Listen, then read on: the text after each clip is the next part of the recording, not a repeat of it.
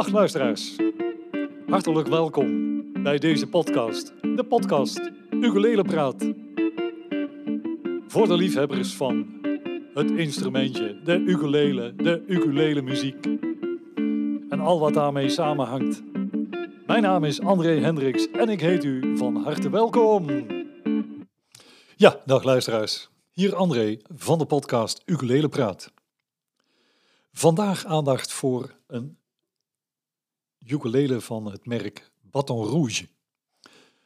Uh, het is een tenor ukulele die ik hier in de hand heb, uh, genaamd UR71T. Nou, dat T staat voor tenor.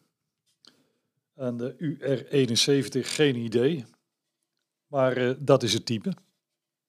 En het bijzondere aan deze tenor is dat hij een bovenblad heeft van zogeheten redwood.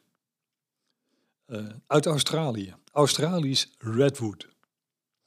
Uh, dat hout wordt nog alles gebruikt als alternatief voor uh, cedar of mahonie. Warm van klank en fraai van uiterlijk. Dat dan weer wel. Uh, het is heel mooi getekend en er hangt ook een rode gloed over het hout. Vandaar denk ik ook de naam Redwood. Maar goed, uh, het levert ook een warme klank op. Altijd prettig natuurlijk bij een ukulele.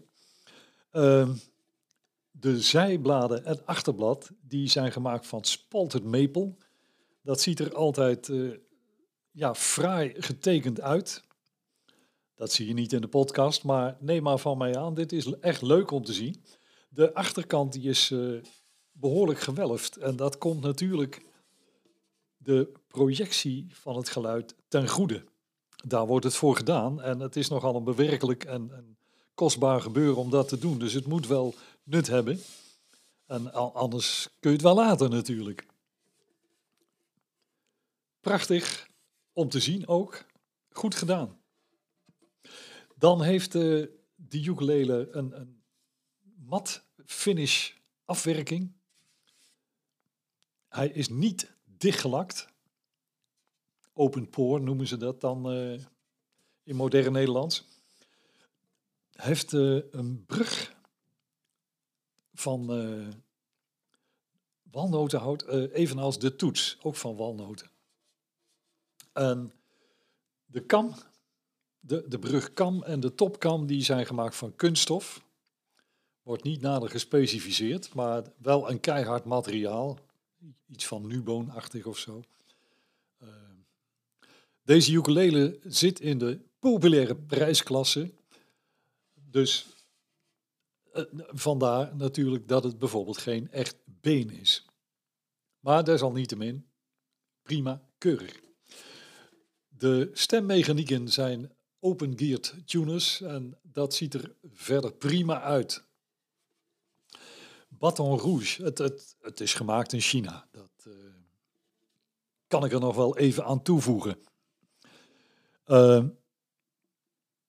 het klankgat is gelezerd, uh, een bepaalde afbeelding.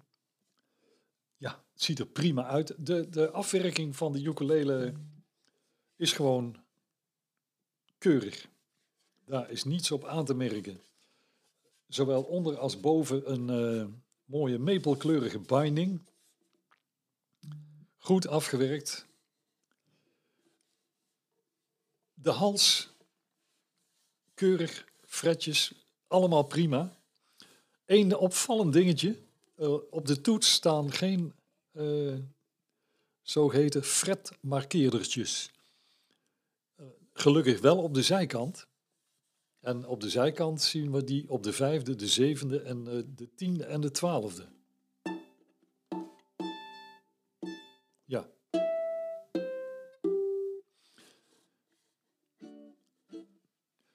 De ukulele is bijzonder licht. Het is een tenor. Hij ziet er enorm fors uit. Echt indrukwekkend. Uh, ook een vrij diepe klankkast. Dat is allemaal prima geregeld. Maar ontzettend licht. En dat is heel fijn, want dat houdt prettig vast. Je kunt er zelfs staande mee spelen. Ik check even de stemming.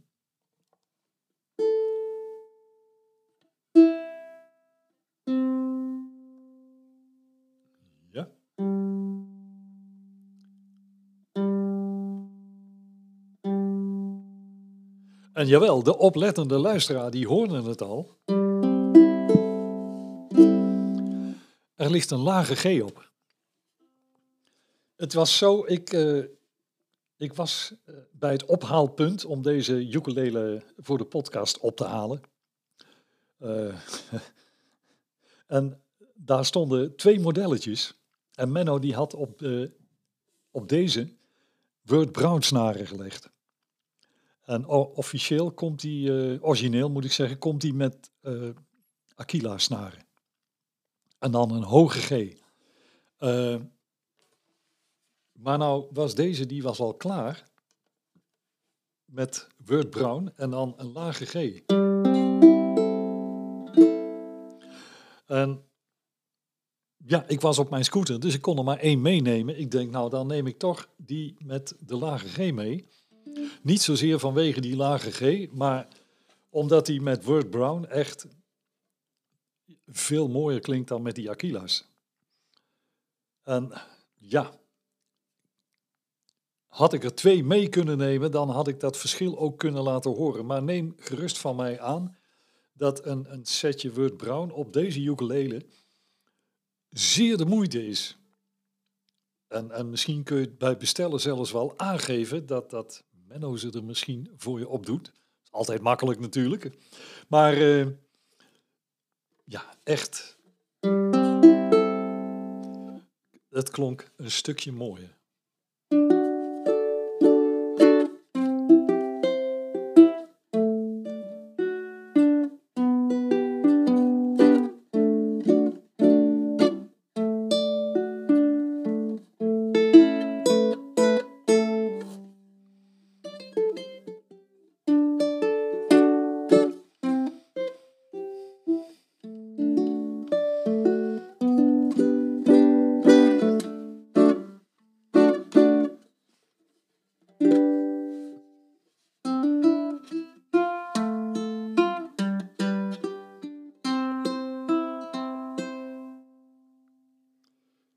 Hij rinkelt mooi. Het is echt. Uh, het, er zit een mooi geluid in. Mooi warm.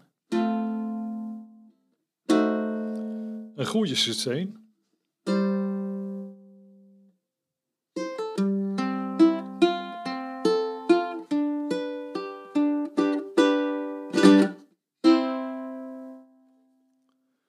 Ook hoger op de hals.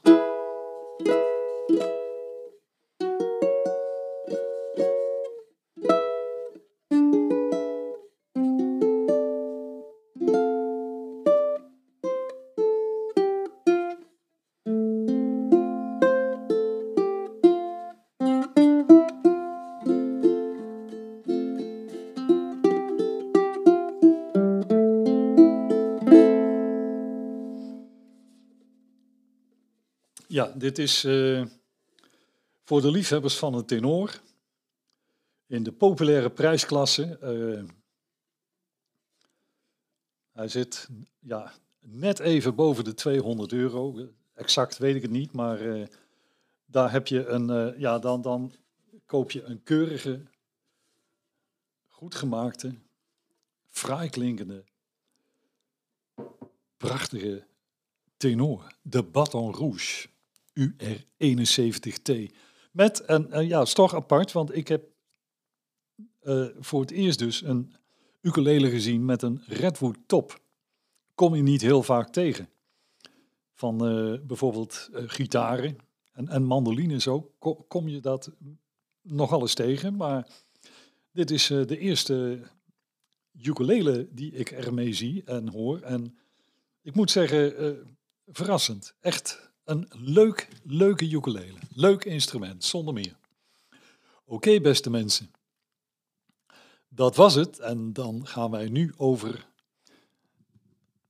naar het volgende onderdeel van dit programma. En dat is de stelling van Dick. Jawel! En dan gaan wij nu over tot het volgende onderdeel. De stelling van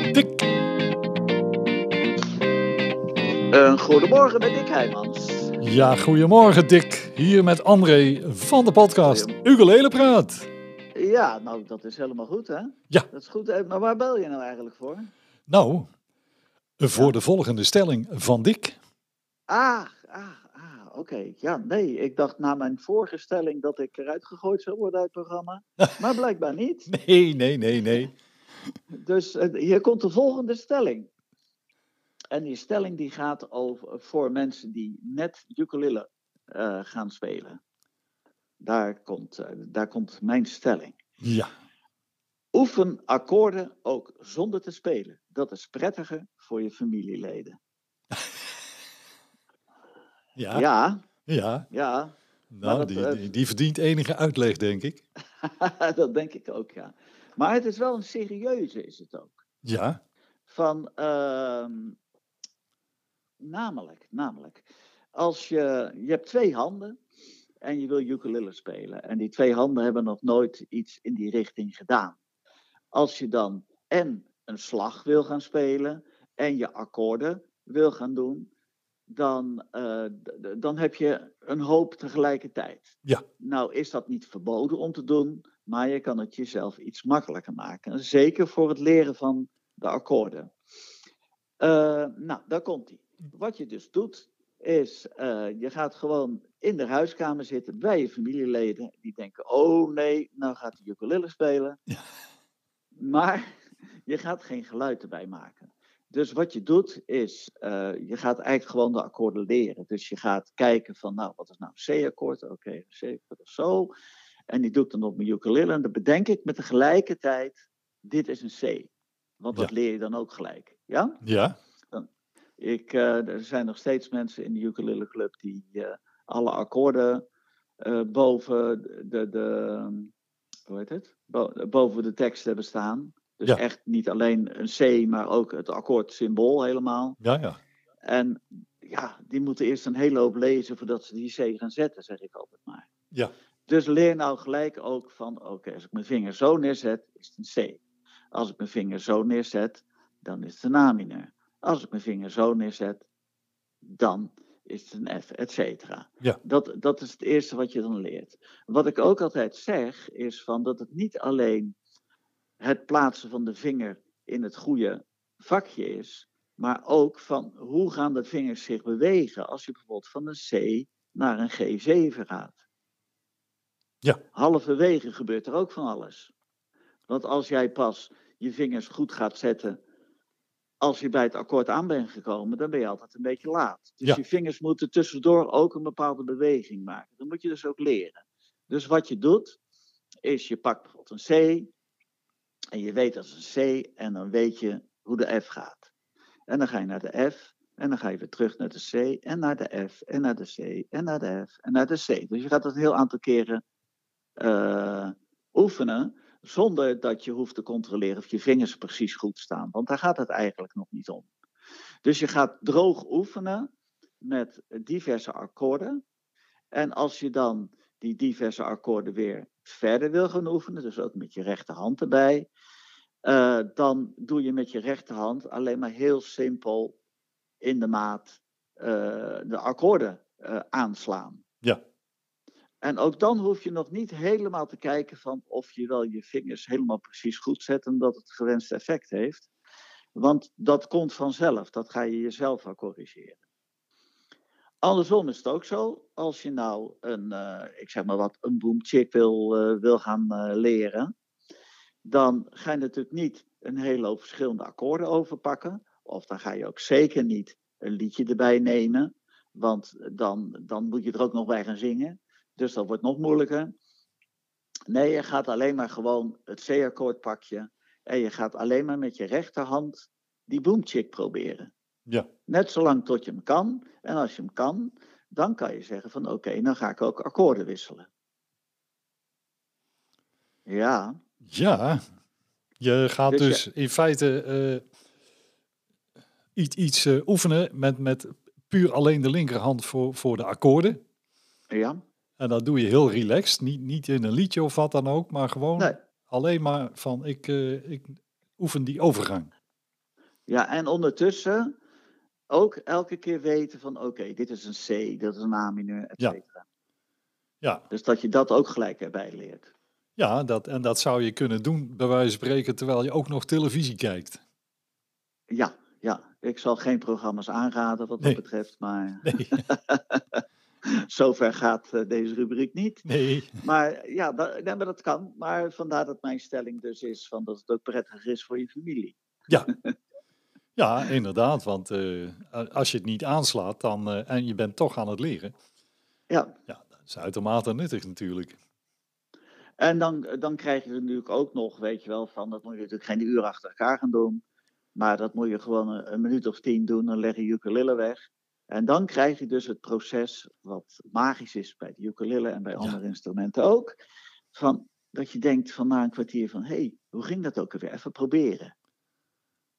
Dus dat je wat met het ding krijgt, dat je Ja. het wil weten, dat je het wil kunnen doen. Ja, en, en, En zo dan- bouw je eigenlijk eh, een, een soort van spiergeheugen op. Ja, ja. Dan, dan heb, ik, heb ik er nog een tip bij ook. Een, een tip bij de stelling, joh. Ja, ja. dat is, ja het is eh, echt feest vandaag. Ja, Maar eh, mijn tip is, eh, nou mensen gaan dan liedjes verzamelen, omdat ze eigenlijk liedjes willen zingen. De meeste mensen die ukulele spelen, die zingen er ook bij. En natuurlijk moet je dan beginnen met liedjes, ten eerste liedjes die je kent. Ja. Maar ook liedjes die, je, eh, die niet te moeilijke akkoorden hebben. Ja, maar dat, ga eh, gewoon beginnen met de akkoorden die je al kent dan. ja, Nou, Ja. dan heb je dus twee soorten mensen. En nou komt die. Je hebt mensen die gaan alle liedjes verzamelen die ze maar kunnen krijgen. Of die gaan grote dikke boeken kopen met duizend liedjes erin. ja, En, ehm, en dat is op zich niet erg. Maar dan krijg je het volgende. Dan willen ze ukulele gaan spelen en denken, oh ja, dat is een leuk liedje. En dan oh, wacht even, maar dat akkoord ken ik niet. Nee, even maar overslaan. Eh, volgende liedje. Oh nee, dat kan ik niet zingen. Eh, nog een volgend liedje. eh, ook, er staat ook een moeilijk akkoord in. Dat demotiveert. op een zeker moment wel, ja. Als je vijf liedjes hebt gehad en je kan ze geen van alle vijf spelen, dan denk je van weg met dat ding. Nou, wat de oplossing daarvoor is, dat je alleen maar liedjes op gaat zoeken die je, waarvan je de akkoorden kent. Ja? En als dan blijkt dat je dat liedje ook leuk kan zingen, ja, Ja, dan stop je die in een aparte map van favoriete liedjes. Ja. Het leuke daarvan is dat je in een paar weken tijd die map met favoriete liedjes ziet groeien. En dat op het moment dat je zegt van, hé, hey, ik wil ukulele gaan spelen, dan pak je die map, want daar ken je die nummers van. Ja. Dus dat stimuleert. Het feit dat de map steeds dikker wordt, stimuleert ook. En als je nou zegt van, oké, nou heb ik een aantal liedjes gespeeld, nou, dat, eh, dat ging allemaal lekker natuurlijk. Dan ga je eens in je archief kijken van wat nog meer leuk zou zijn. En misschien kom je dan op een nummer waarbij je een akkoord nog niet kent, maar dan ga je dat akkoord erbij leren. ja, Dan wordt het een favoriet nummer en dan zet je dat weer in het eerste mapje met favoriete liedjes. Nou, wat vind je ervan? ja dit, dit klinkt dermate logisch.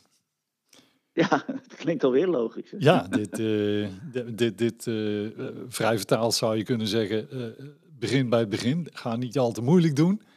Ja, En ja, dan stimuleer je jezelf ook om door te gaan. ja, precies. En dat is hetgene waar het om gaat. Want de meeste mensen spelen natuurlijk, ja, die oefenen in hun eentje. Ja, ik, ik heb zelf jarenlang lesgegeven en dan kreeg je in het begin wel eens mensen die, die, die wilden dan een, een liedje. Maar wat, wat je dan eh, al aangaf, eh, soms is een liedje wat jij heel mooi vindt, eh, nou, dat zit boordevol akkoorden die nou niet voor een beginner zijn. Nee, precies. En ja, dan krijg je dus onmiddellijk het probleem van, ja, dit is te hoog gegrepen. Ja. Nou, dat klinkt ook weer niet aangenaam als je tegen een leerling die vol goede bedoelingen en goede moed, ja, precies. ja, Ja. dan, dus ik heb dan ook altijd proberen uit te leggen van, ik, ik leer jou het gaat er niet om dat je een liedje leert, maar de akkoorden die, die het liedje vormen, Ja, die heb je even nodig. Om, eh, ja, precies. ja, en je komt op een gegeven moment zover, dan, dan ken je voldoende akkoorden en dan kun je op een gegeven moment eh, ja, ook zelf een liedje wat je hoort wel, wel gaan uitzoeken, bij wijze Ja. van spreken. Ja, Ja. precies. Maar ja, en dan praat je wel even eh, ver vooruit. En eh, dat komt niet altijd aan natuurlijk als je een, eh, een, een, een, eh, pak een beter een leerling van een jaar of eh, 10, 11, 12 hebt. Die, eh, Oeh, ja, dat is een moeilijke leeftijd. dan ja. Maar het leuke is wel dat als die eenmaal de smaak te pakken krijgen, die, die gaan vooruit in, in de snelheid. Dat, nou, Ja, dat- dat is ook zo. ja, dat is hartstikke leuk. En, Ja. eh, maar ook eh, mensen van zekere leeftijd, als die er eenmaal mee beginnen, ja, dan zie je, en dat zie ik vaak genoeg, dan uh, je komt een heel eind op die ukulele als je er zin in krijgt. Ja hoor, maar zeker als je het binnen je eigen bereik houdt. Ja, ja. En, en, en dan zit eh, er zit altijd een valkuil in, ook wel bij mensen die optreden. Dat is dat je dan, dat, dat je dan eigenlijk indruk wil maken op jezelf. Dus dat je op een punt uit wil komen dat je denkt, oh, zo kan ik dat. Ja. Nou, dat komt zelden voor. dus, en we hebben het er wel eens eerder over gehad van, ja, als je dan kijkt naar wat andere mensen kunnen spelen, en als dat hetgeen is wat je wil bereiken, dan leg je een moeilijke weg af. Als je nou begint bij van, goh, uh, ik wil uh, ja, gewoon wat leuke liedjes kunnen spelen op de ukulele. Ja. En, uh, en daarna kijk ik wel weer verder van wat ik er uiteindelijk mee ga doen. Dan, uh, dan, maak je het, dan maak je het haalbaarder voor jezelf. Ja, en dat is heel belangrijk, want dan, houdt het, dan, dan blijft het ook leuk. Ja, ja. En, uh, en, ik, ik, en daarom is het belangrijk om in het begin kleine dingetjes te leren, ja. die bouwstenen zijn voor hoe je verder gaat spelen. En uh, ik heb ook wel gitaarles gegeven aan mijn collega's op mijn werk. En dan zeiden ze na een week kwamen ze van ja, ik heb geen tijd gehad om te leren. Ik zeg, nou hou er maar mee op dan. Ja. Want dan heb je er geen zin in. Ja. En ja. daarom is het belangrijk om kleine stapjes te leren, zodat ja. mensen er zin in krijgen, zodat ze iets krijgen met dat instrument. Ja, dat is helemaal waar. Dat, uh, dat uh... ik, uh, tot slot even. eh, ja. Ik heb ooit een, een filmpje gezien. Ik denk iedereen wel van, van James Hill. Die dan ja. Billie Jean speelt van Michael Jackson. Ja, ja als, dat, als dat je doel is, dan. Ja, dan. En, en, maar het leuke is, je ziet op YouTube allerlei dingen en, en die worden allemaal nagedaan, weet je wel. Gitaristen ja. die Jeff Beck proberen na te doen en zo. Ja. En nou, stel dat het, dat het je lukt, dan zijn er twee die het kunnen. Dus ja, ja, wat heb je dan bereikt?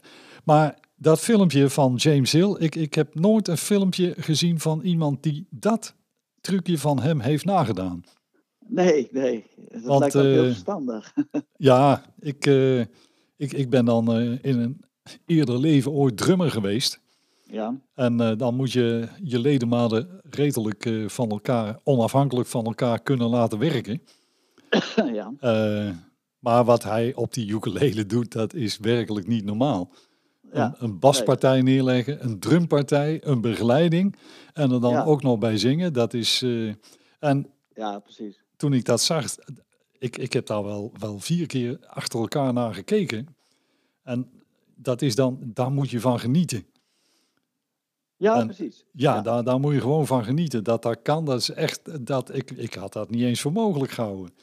En, maar uh, je, je, hebt wel gelijk weer uh, verschillende uh, fases van genieten. Hè? Van het, het is natuurlijk ook genieten omdat het ongelooflijk knap is. Ja. Het is ook genieten omdat het mooi is wat hij doet. Ja. En dat het ook nog een entertainers uh, uh, aspect bij zich heeft. Hè? Het is ook boeiend om te zien. Ja, hij, hij brengt dat fantastisch. Ja, precies. En uh, ja. dus ik, ik, je kijkt sowieso al een tweede keer van, heb ik dit goed gezien? Wat, wat, wat gebeurt er? Dat, en ja, en ik, ik weet dan ook onmiddellijk toen ik dat zag van, ja, ik krijg dan niet de neiging, oh, dat wil ik ook. Nee, nee. Want ja, je ziet dat gebeuren en dan, dan ik weet dan al onmiddellijk, nou, dat haal ik nooit. dus eh, Nee, da- dan Nee. laat je dat van, dat wil ik ook, dat laat je al schieten. En dan, maar dan wordt het er ook veel gemakkelijker om ervan te genieten. Ik heb bijvoorbeeld een keer Andy Eastwood gezien. Ja, Eh, die speelde de Willem Tell overturen op, op zijn eh banjolele. ja. En, en ja, je weet niet wat je hoort, man, als je hem dat ziet. En je ziet het hem doen, hè? Ik heb op het eh Ukulele Festival in, in Ierland met Peter gespeeld. Ja, En Andy Eastwood was voor ons. En Andy Eastwood is echt een hele aardige man. Ja. Ik bedoel, daar valt niks op aan te merken. En toen zeg ik, Andy, wil je het laatste nummer weer een paar fouten laten vallen? Want ik, moet- ik moet ook iets op een banjo doen. En eh, ik weet wat jij kan, dus wil je een beetje kalm aandoen bij het laatste liedje. ja. Maar ja, bij het laatste liedje heeft hij de gewoonte om alles nog even twee keer zo snel door te nemen. Ja, dat is, eh, dat is echt een virtuoos. En eh, Dus toen waren wij, en eh, dan moet ik altijd even de weg eh, vrijmaken voor mezelf. ja, En toen kwamen we bij een nummer met een banjo Toen zei ik, ja, ik heb ook een banjo net als Andy Eastwood. ja, En als ik Andy dan zo zie spelen, dan denk ik, ach, als Andy het kan, dan kan ik het ook. Ja. Weet je wel, dus eh, maak je een grapje over jezelf en dan kan je gewoon doen wat je, wat je daar eenvoudig gaat zitten doen. ja, Vandaar. oké. Nou, Ja, met oh, deze... oh, oh, oh, oh, gaan we nu al afsluiten? eh, nou, nou, als jij zegt van, ik heb nog iets. Nou ja, ik dacht misschien is het een goede gewoonte om de, waar alles mee begon, namelijk de stelling nog even te herhalen. Ja, laten we dat doen. Ja, Ja, en, en dan daarna gooi je eh, muziek. precies. Gaan we dat doen. Oké, nou de stelling van vandaag was, oefen, nou slaat mijn stem over van de emotie, weet je. Het is een stelling voor beginners, hè? Ja. Oefen akkoorden ook zonder te spelen. Dat is prettiger voor je familieleden. Een uiterst waardevolle stelling. Waarmee we dan deze aflevering weer gaan beëindigen. Dick, hartelijk dank voor deze stelling en tot een Ja, volgende keer. Oké. De groeten!